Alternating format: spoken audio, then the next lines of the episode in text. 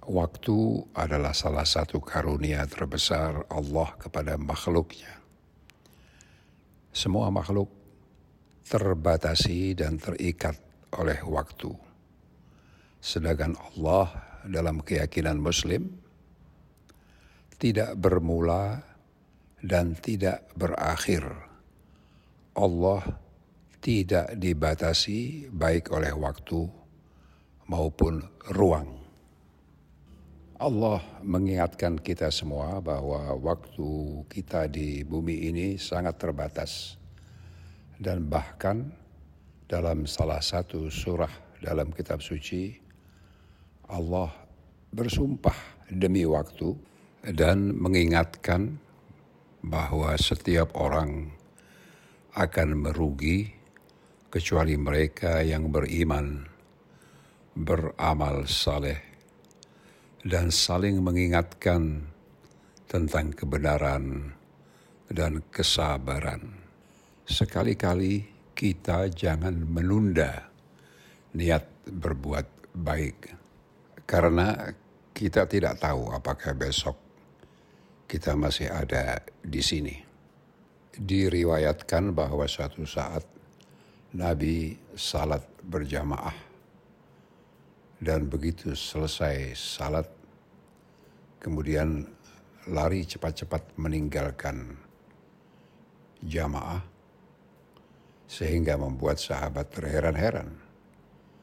Ketika kembali dan ditanya, Nabi menjawab bahwa saya mendadak teringat meninggalkan sedikit keping emas yang harusnya sudah saya sedekahkan.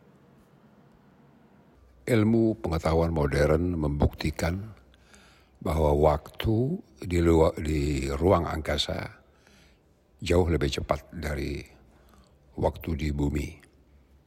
Dalam kitab suci Al-Quran ada paling sedikit dua ayat yang menunjuk kepada hal yang sama dan menyebutkan bahwa satu hari di akhirat sama dengan seribu tahun di dunia. Artinya bahwa masa kita berada di dunia kalau dihitung dengan waktu akhirat sangatlah pendek.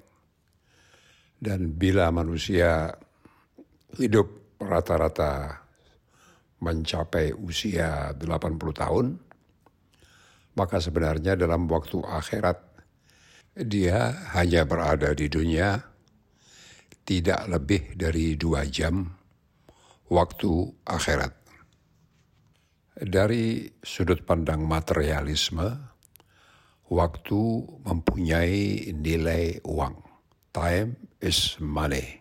Seperti kalau kita memakai jasa konsultan atau lawyer yang dihitung per jam waktu tidak dapat disimpan dan kalau tidak dipakai habis. Dari sudut pandang agama, waktu punya nilai spiritual yang tinggi. Waktu adalah milik Tuhan dan manusia tidak dapat mengendalikannya.